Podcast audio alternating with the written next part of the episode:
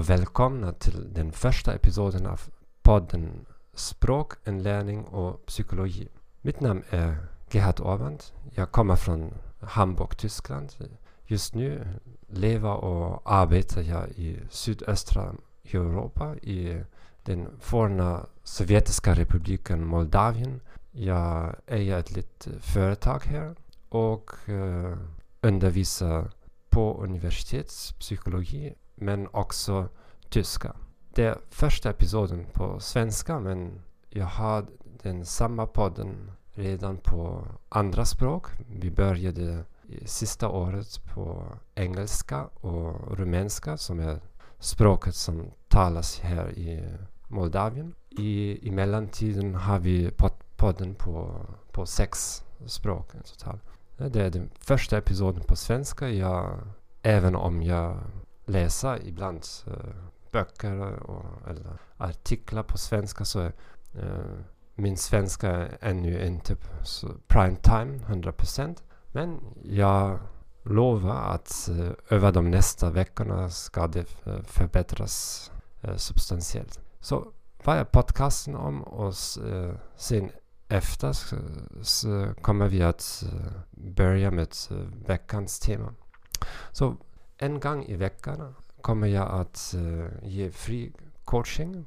Det i oskilda teman som rör eh, hur du kan bättre lära dig eh, språk. Problemet som jag ser som lärare och undervisare är att uh, den typiska språkläraren har, är, är så upptagen med att uh, absolvera alla sina lektioner så att de typiskt har inte tid till att uh, syssla med uh, psykologi, med uh, produktivitetsfrågor och um, de eleverna själva som de vill bara acceptera det som läraren kommenterar på, på själva språket. Men i verkligheten är succén i språkinlärning inte så mycket beroende av eh, professorn, av läraren eller av materialen du benyttjar. Men av mentaliteten, av psykologin och också av eh, dina eh, inlärningsstrategier.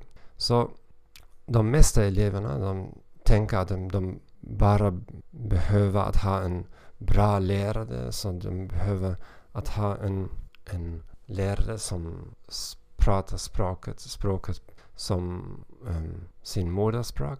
Men de inte tänker att de måste förändras de själva. Så, men i verkligheten, det som bestämmer om du har succé eller inte är om du är i stånd till att bibehålla en daglig rutin hemma, om hur disciplinerad du är, hur bra du kan prioritera, um, välja ut vilka teman och uh, problem du, kan, du, du måste syssla med först. Ja? Det finns så många ting som man kan lära från produktivitetsvetenskapen Och det är det vi kommer att göra i denna podcast. Ja? Som sagt, ja, den språkliga svenska komponenten ska förbättras med varje episod. Det är min garanti. Och i de andra språk eh, fungerar det så mycket bra. Så. Men jag tänker att informationen jag delar här är så viktig att ja, du kan eh, tolerera eh, min accent och eh, de eh, grammatiska misstag jag gör under de första episoderna. Det, mm, jag tänker att du kan vinna mer än du kan tappa genom att lyssna. Okej, okay. Så låt oss begynna med första temat som är densamma som i alla de andra språk. Jag inte läser um, från en text så jag pratar alltid spontant och jag, ne, uh, jag aldrig um, redakterar det som jag inspelar här. Så, så jag försöker att bli så transparent som möjligt. Så för att jag tänker om när du lär ett, ett, äh, är ett nytt språk så finns det två två vägar du kan eh, välja. Så de mesta studenterna som eleverna, de vill ha mycket snabba resultat. Så de vill framvisa att de kan prata efter en vecka, efter en månad redan sitt nya språk och de är beroende av komplement, av framvisade på sociala medier och så vidare. Och den typiska strategin här är att ja, du eh, lär dig nya fraser, du, en, typiska ord och, så, och du memoriserar ja, hela dialoger så du kan reagera ja, under de första två, första två minuterna av ett samtal. Um, och um, ja, och det är mycket enkelt att, att göra. Men vad är komplicerat är att, att lära dig redan från början att uh, prata spontant och flexibelt. Ne? Eftersom uh, senare när du arbetar på ett främmande språk, det, du kan inte du kan inte överleva med bara med memoriserade uh, fras. Och det typiska problemet personer har, uh, även om de har lärt sig ett språk under många år, är att komponera Eh, sina fraser, sina satser i de eh, är alltid blockerade eftersom de har eh, lärt sig, de har memoriserat några typiska språk. De, har, eh, de kan säga hallå och adjö och vad, vad som helst. Men hur de kan kombinera ord, hur de kan flexibelt reagera på det en annan person säger. Det finns oftast en blockad för, i huvudet av eh, sådana personer. Så um, som språklärare, mitt uh, uh, råd är att börja redan från, från början med, med att komponera dina egna, egna fraser. Även om det tar längre tid, även om du gör um, många misstag. Ne? Eftersom senare kommer du att ha din, en erfarenhet andra språkelever eh, inte har. Eleverna som bara kompletterar grammatiska, öv grammatiska övningar som repeterar det som läraren säger och så vidare. Okej, okay, så idags tema är vikten att sätta sig um, övre gränser. Så um, när jag började att, att lära mig ryska, så det var fem, 15 år sen i, i, i Hamburg, så var jag mycket frustrerad eftersom språkinlärningsprocessen um, dyrade så, så mycket så jag var inte så snabbt att, uh, att förstå ryska språket, att uh, förstå alfabetet och så vidare. Så, och jag gav upp inlärning under många timmar. Så vad hände, um, vad hände förr? Så jag hade redan bör, börjat att eh, lära mig andra språk. Men de var alla europeiska språk, västeuropeiska språk. Och jag började att eh, lära mig ett nytt språk eh, genom att eh, börja läsa normala böcker. Så i vårt bibliotek i Hamburg så ha, hade de en, en mycket bra Eh, utval av eh, utomländska litteratur på många språk. Så det var många ehm, tillgängliga material. Och eh, när jag började att, att lära till exempel rumänska, jag bara tog en, en ordbok och hyrde ut Agatha Christie på, svensk, på rumänska och började läsa och lära mig nya ord och så. Och det, det fungerar mycket bra eftersom de, de mesta västeuropeiska språk de har mycket gemensamt och de har samma skri äh, skriftbild så kan förstå all, nästan alla de äh, tecken. Men ja, på ryska måste du lära dig kyrilliska och det finns inte så många ord som överlappar med äh, tyska eller västerländska ord. Så ehm, aha-momenten kom för mig när jag, jag satte, satte sig en övre gräns. Så jag sa till sig själv alltså, att jag aldrig kommer att läsa no, klassisk rysk litteratur. Ja, till exempel, jag, jag kommer aldrig uh, att läsa Dostojevskij på rysk. Men jag vill bara vara uh, i stånd att uh, kommunicera i vardagliga situationer. Så här ne, har vi 15 år senare ne, och jag har läst alla utan eh, alla romaner av Dostojevskij på ryska. Eh, inte bara en gång men två eller tre gånger. Jag har läst många av de klassiska autorerna. Och jag läser dem utan problem, näst, nästan som jag läser på tyska och engel, eller engelska. Och så skulle jag rekommendera det för mina elever? Jag är inte säker. Eh, eftersom idag tror jag eh, eh, inte om att begränsa sina ambitioner, begränsa sina mål. Men eh, det är en, en, en ting som jag är övertygad av. Och att, eh, att du måste sätta övre gränser för din dagliga rutin. Och här finns det elever som, som missförstår hur det fungerar. Så um, om du jämför språkinlärningen med uh, att uh, ränna en maraton så, så kan man säga att båda är uh, processer som har en lång tidsperspektiv och en längre tidsperspektiv. Om du är en bra elev och om du är en bra talare så kommer processen aldrig att stoppas efter 42 kilometer.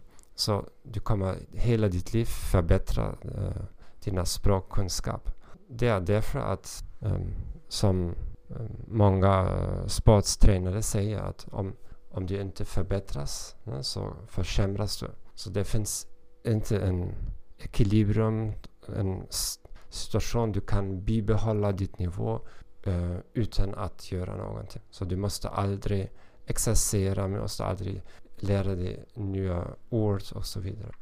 Nå, de, de mesta eleverna beter sig som en person som börjar att eh, ränna en maraton och som gör en sprint under de första 500 eller 1000 meter.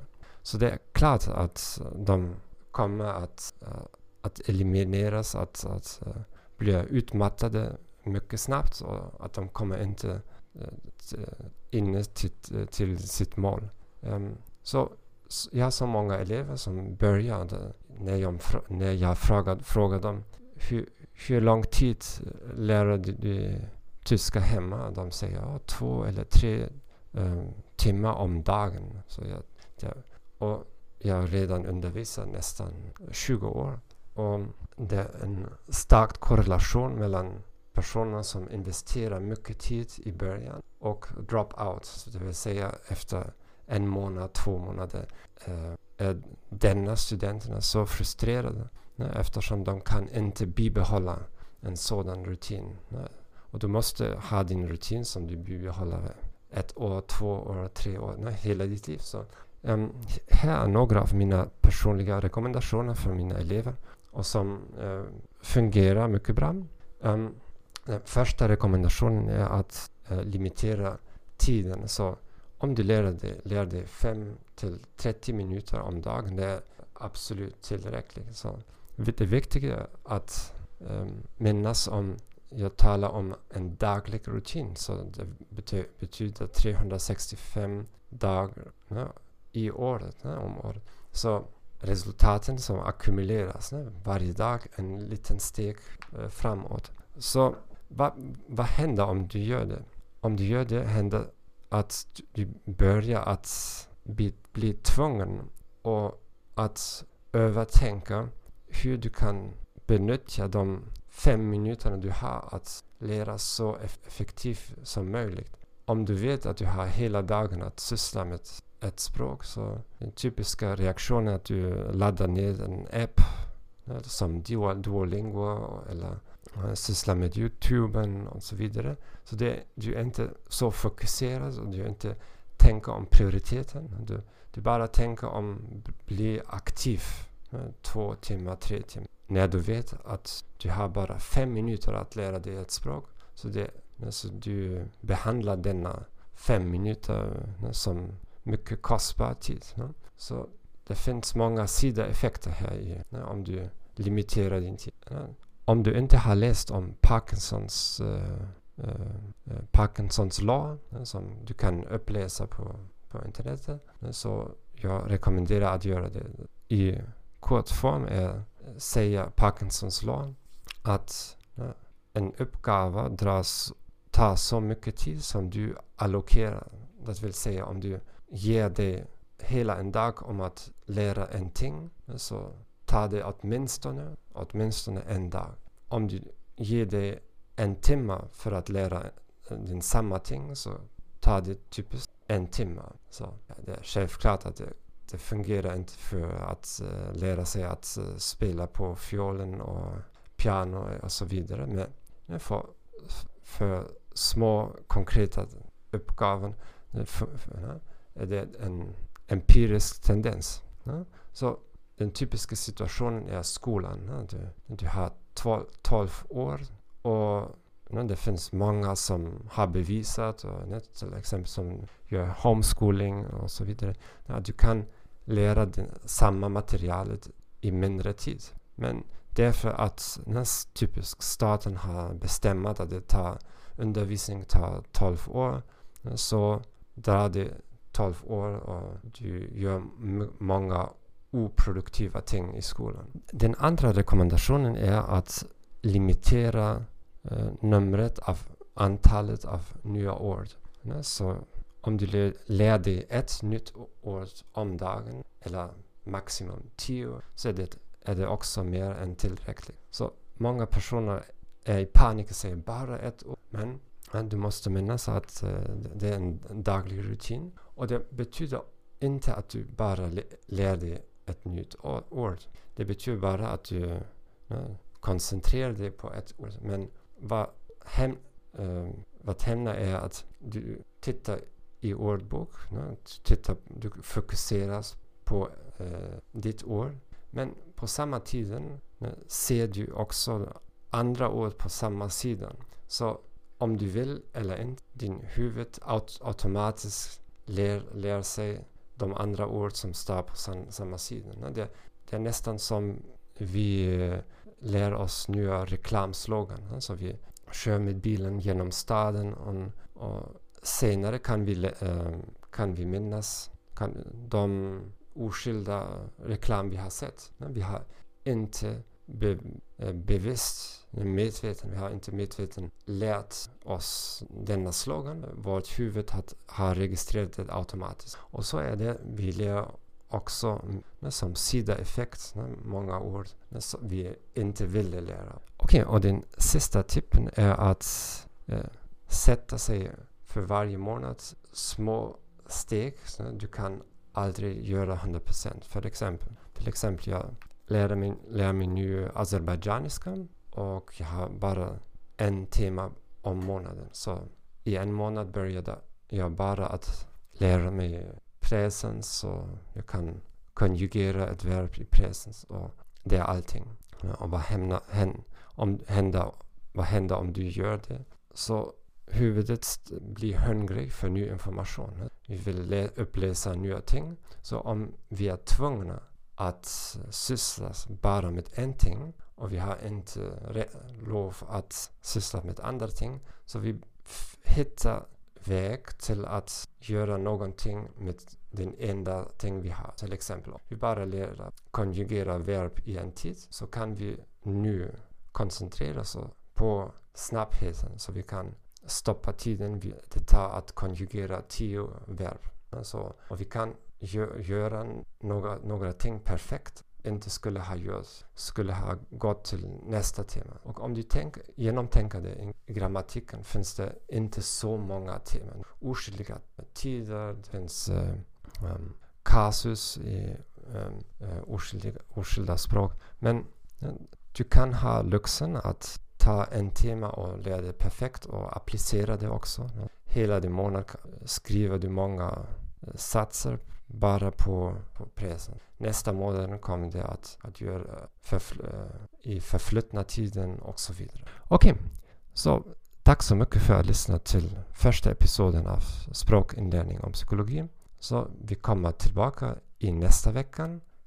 Som jag sa, eh, idag var det den sämsta eh, svenska ni ska höra av mig.